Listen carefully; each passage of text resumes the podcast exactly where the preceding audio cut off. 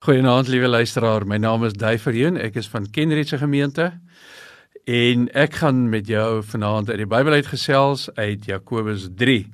In Jakobus 3 vers 2 tot 18.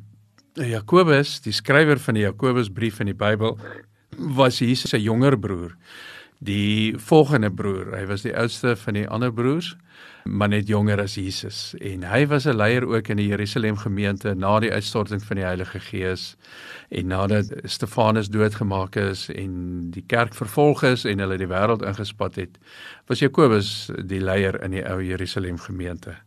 So ons tema vir vanaand is dan ehm, 'n um, vraag bou jy of knou jy die koninkryk van Jesus Christus Want Jakobus sê baie duidelik en gelukkig sluit hy homself in dat 'n mens kan baie maal dink jy is nou besig om vir die Here groot verskil te maak, maar dan kan jy baie skade doen op 'n manier wat jy self nie mooi verstaan nie.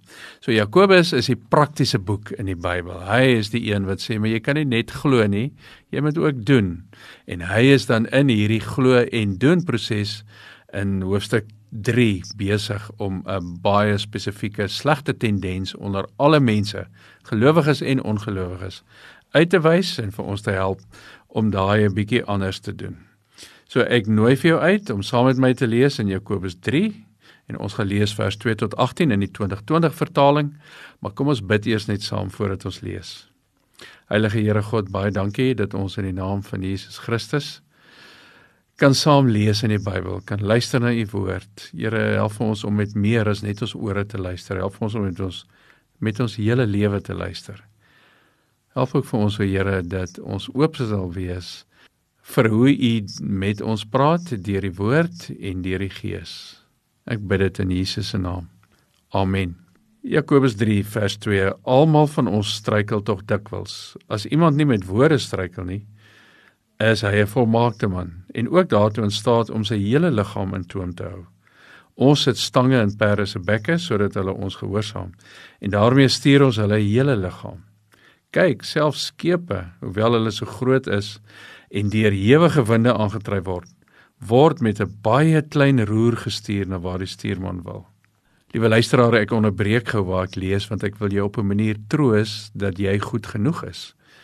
Jakobus begin hierdie gedeelte van hom en dan sluit hy homself in. Hy sê, luister mooi, almal van ons struikel tog dikwels.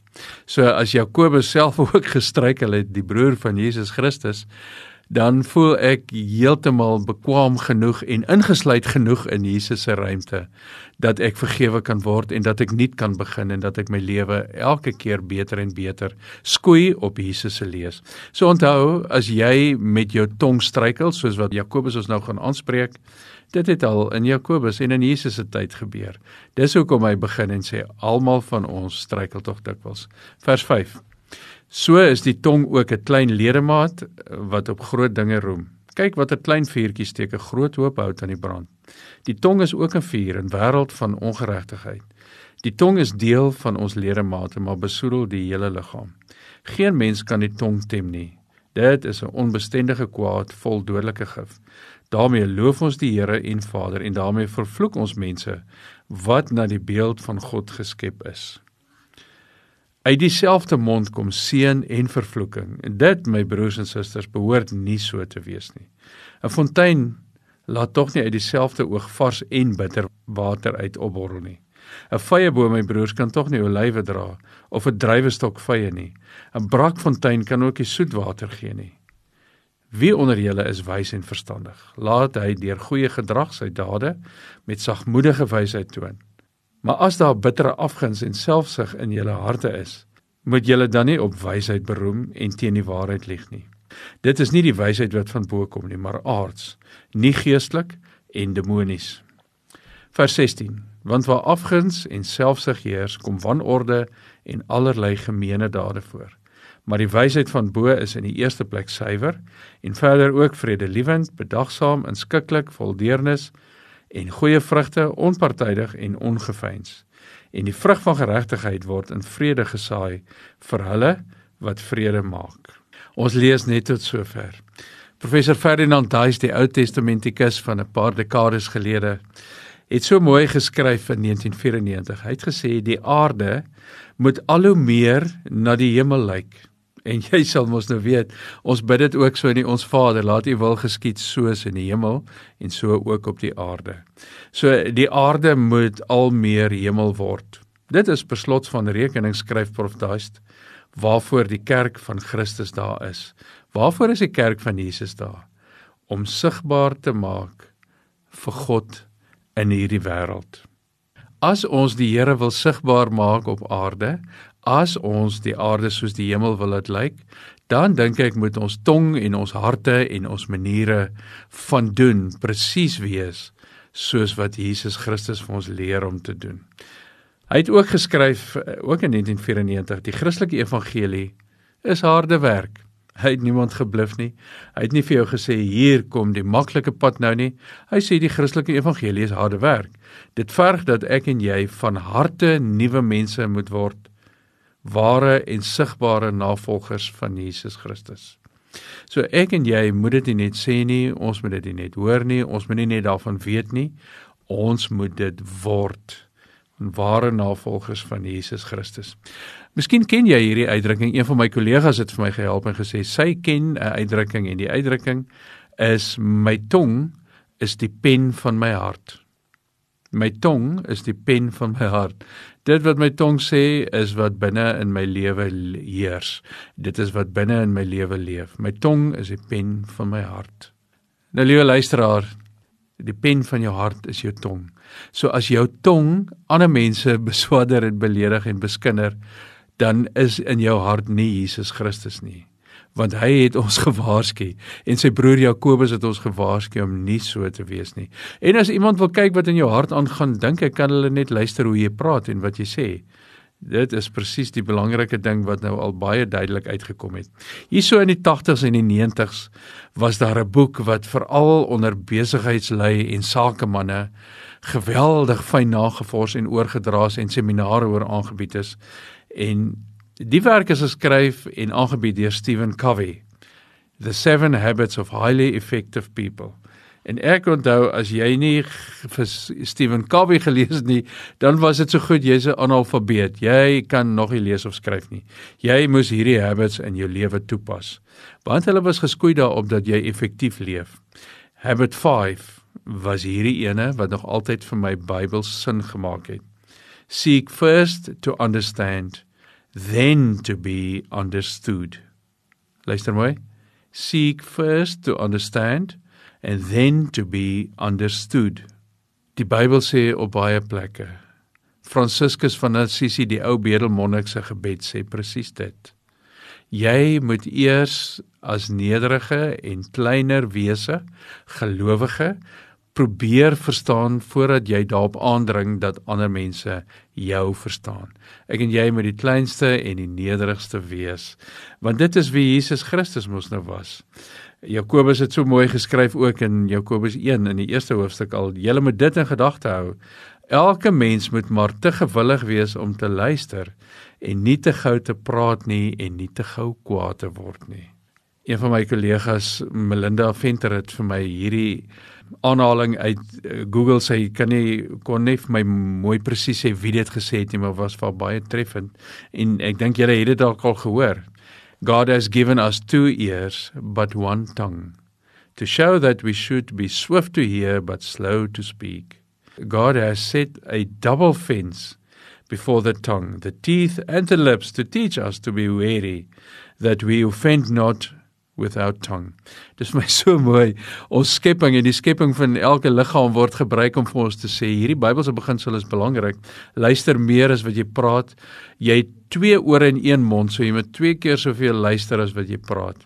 En en dan was dit treffend dat die Here twee versperrings voor jou tong vir jou gegee waardeur klanke moet kom. So as jy deur daai twee versperrings kom, kan jy nog tyd maak om te bid.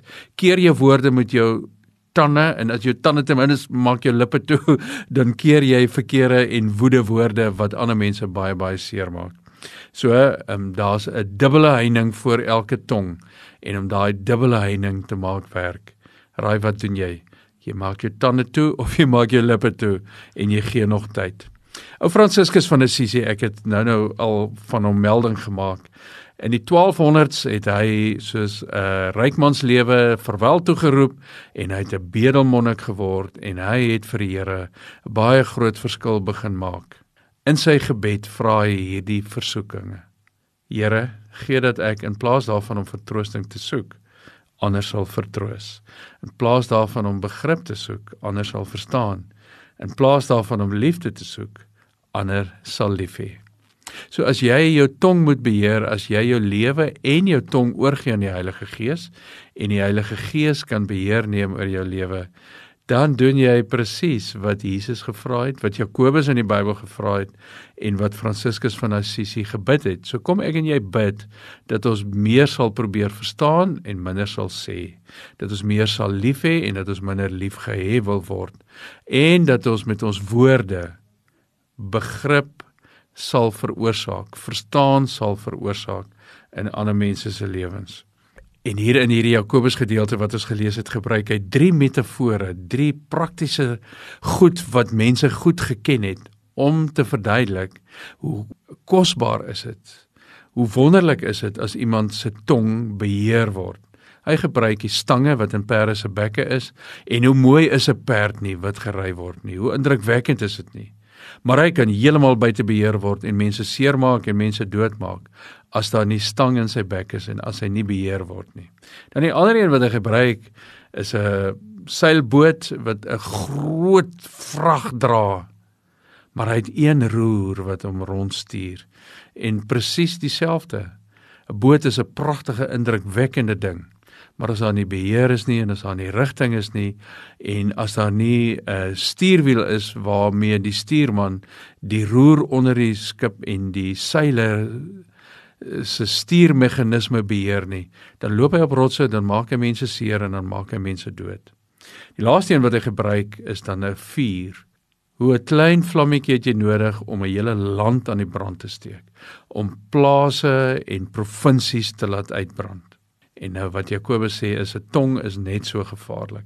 Hy maak meer mense dood as wat hy lewe bring. Vuur kan ook lig veroorsaak in donker plekke. Maar buite beheer, as hy nie beheer is nie, as die Heilige Gees nie oor jou tong waak nie, dan brand hy en dan bly daar niks oor nie. Jakobus gebruik in hierdie gedeelte wat ons geleef het, ewenigs twee watermetafore en twee plantmetafore om vir ons te verduidelik jou binnekant moet eers aan die Here behoort sodat jou buitekant en jou woorde stigtend kan wees en mense kan help. En die een is 'n fontein. 'n Fontein kan nie brak en soet water gee nie. 'n Brakfontein gee net brakwater. En dan het hy die twee vyeboom kan nie olywe dra nie en 'n druiwestok kan nie vye dra nie. So dit wie jy is, wie jy in jou binnekant is, is presies wat aan die buitekant gebeur. Dis vir Jakobus verskriklik. Hy skryf daar in hoofstuk 3 met dieselfde tong waarmee ons die Here aanroep en waarmee ons mense seën, vloek ons ook en vervloek ons ook. Hoe kan daar binne een mens soveel kwaad bly? Hoe kan daar binne een mens soveel ongelukkigheid veroorsaak word? Wat aan die Here behoort, wat gelowig is, En dit is hoekom hy so mooi vra, jou hele lewe moet aan die Here behoort. Dan kan jy met dieselfde tong seën en bid, mooi woorde uitspreek oor mense, woorde van troos, woorde van hulp, woorde van omgee. Want dan is ons op die regte pad en dan loop ons sy pad. Jakobus kom daar in vers 17 by so 'n soort van 'n samevatting en dit laat dink mense bietjie aan Galasiërs 5 waar jy die vrug van die Heilige Gees so duidelik sien en dan beskryf hy die vredemakende krag van sagmoedige wysheid. So dit wat gelowiges moet wees is sagmoedige wysheid. Is wysheid wat die wêreld verander. So wat hier staan is hoe lyk mense wat sagmoedige wysheid uitdra en nie woedende woorde wat ander mense middel deursny en hulle spreek woordelik vermoor nie. Sagmoedige wysheid wat in gelowiges bly, behoort deursigtig te wees. Dit behoort vredelewend te wees, dis die lysie van vers 17. Dit behoort bedagsaam te wees. Dit behoort inskikkelik te wees. Dit behoort vol deernis te wees. Dit behoort vol goeie vrugte te wees. Dit behoort onpartydig te wees. Dit behoort sonder aangeplaktheid te wees dit behoort Jesus te wees. Want raai wat? Raai waar het Jakobus sy geloof en sy wysheid gekry waarmee hy skryf? Natuurlik by sy ouer broer, by Jesus Christus. Hy dra Jesus se boodskap oor aan my en aan jou. Want daai selfde Jesus het in Matteus 12 gesê: "Hoe kan julle wat sleg is iets goed sê? Wat die hart van vol is, loop die mond van oor." Presies wat Jakobus sê. Die goeie mens bring die goeie te voorskyn uit die oorvloed goeie dinge in sy hart. Slegte mense bring slegte te voorskyn uit die slegte dinge in hulle harte. Liewe luisteraar, wat ek by jou wil los is jou tong. Bou dit of knou dit die koninkryk van Jesus Christus. Want as jy in jou binnekant aan die Here behoort en in jou buitekant met jou tong en jou hande en jou voete en jou gesindheid en jou glimlag en jou vriendelikheid en jou lyfstaal Jesus uitdra, dan bou jy die koninkryk, dan bou jy brûe soos Jesus.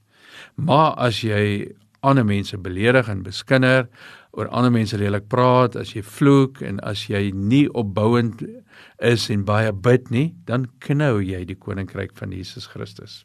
Ek nooi vir jou uit, bid saam met my. Here baie dankie dat ons aan U kan behoort. Baie dankie dat ons by Jesus en sy broer Jakobus en in die brief van Jakobus in die Bybel kan leer dat ons binnekant is soos ons buitekant moet wees. Dat ons drie goed in lyn moet kry. Ons moet hoor en ons moet doen die woorde van Jesus Christus. Ons moet soos 'n kajak in 'n spesifieke rigting ware noord Jesus noord bly roei. En so laat kom ons sy koninkryk. So laat ons sy wil geskied. Here help vir ons daarmee en help vir ons om van die wêreld 'n beter plek te maak. Help vir ons om in 'n stikkende werklikheid stikkende mense heel te maak omdat hulle vir U lief is, omdat U vir hulle eerste lief gehad het. Here ons behoort aan U. Ons oorhandig ons graag self weer aan U vanaand en ons wil vir U sê Here, ons wil vir U lief wees. Ons wil U liefde beantwoord, U eerste liefde en ons wil in die spore van Jesus bly stap. Amen.